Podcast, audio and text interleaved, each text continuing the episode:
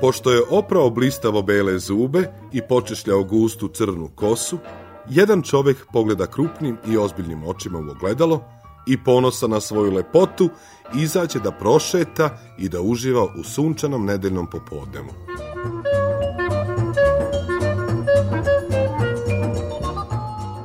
No, tek što je iskoračio na ulicu, sudari se s nekakvim ćelavim bilmezom koji ga toliko izudara da mu polomi tri prednja zuba, izbije levo oko i na sve tomu još i kosu počupa. Budući da to ne beše prvi put da ga neko tek tako, ni krivog, ni dužnog isprebija, čovek odluči da napokon stane u svoju odbranu i da celom svetu stavi do znanja da ga ne može svako tući i maltretirati kad god mu to na pamet padne. Nešto se u njemu uzjogunilo, pobunilo, prelomilo.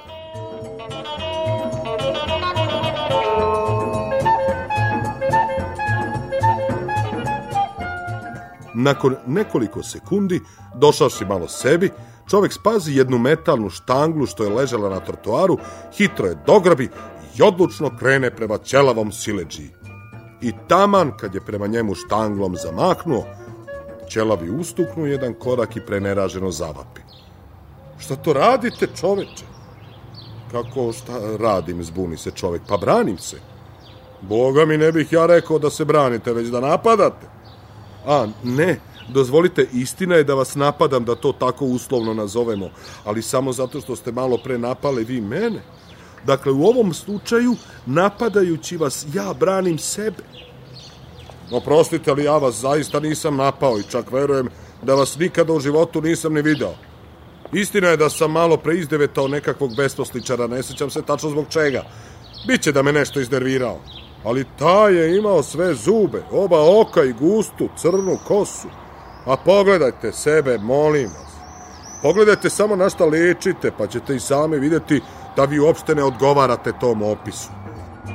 Reče ćelavi, već iznerviran, poturajući čoveku džepno ogledalo pod nos. Gle, stvarno, pomireno konstatovao čovjek. Potpuno ste u pravu, ovo nikako ne mogu biti ja.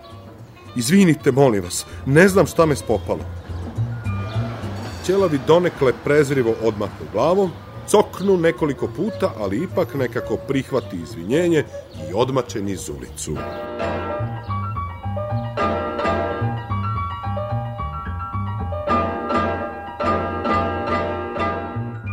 Čoveku već nije bilo do šetnje, a pogotovo ne do uživanja u prolećnom danu i on se tromim koracima uputi natrag kući. Kod kuće, potresen malopređašnjim događajem, nije mogao ništa da radi, te odluči da ceo dan prespava. To je i učinio. Probudivši se tek u sedam ujutru i osetivši se prilično čio i bodar za početak jednog novog radnog dana. Ipak, čim je sa četkicom za zube stao pred ogledalo, On se seti jučerašnje dogodovštine i pomisli kako nema nikakvog smisla da jedan nov čovjek, kakav je sada, odlazi na posao onog pređašnjeg, kradući nesrećniku zaradu i pravo na život.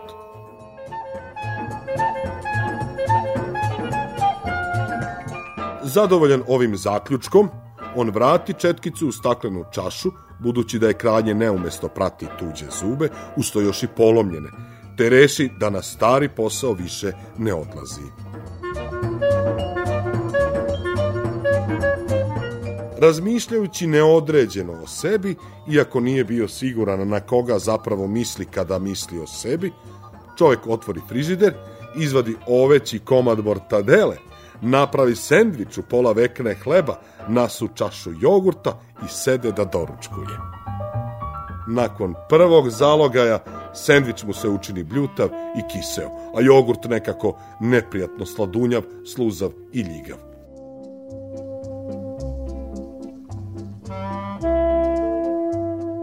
Izgleda da više ne volim mortadelo i jogurt. Biće da sam se zaista mnogo promenio. Zaključi čovek rešen da pokuša sa sardinom. Ali preno što je otvorio konzervu, kroz glavu mu prolete misao – da on zapravo nema nikakvu obavezu da hrani ovog sasvim novog i sasvim nepoznatog čoveka, te da je u krajnjoj liniji čak neumesno i bezobrazno hraniti ga onim što je, koliko do juče, mukotrpno zarađivao onaj drugi. Tako čovek odluči da prestane da jede i udobno se uvali u sofu.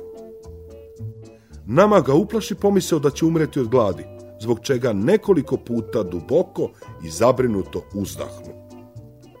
Ali se iz razmišljanja o gladi prebaci na razmišljanje o vazduhu. Shvativši da nema smisla ni disati, pošto taj koji diše svakako nije on, istog trena on potpuno zaustavi disanje. Porazmisli još malo o celoj ovoj čudnoj situaciji, ne nađe u njoj ništa što bi mogao da razume, te nakon 2-3 minuta umre.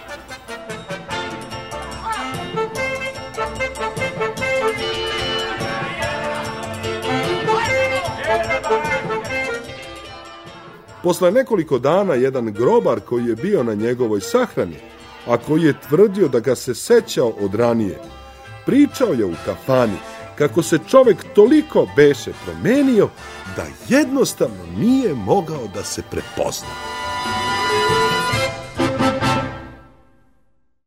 Slušali ste radio priču Dan kada je rođen jedan čovek, Duška Domanović. Narator Ljubiša Milišić.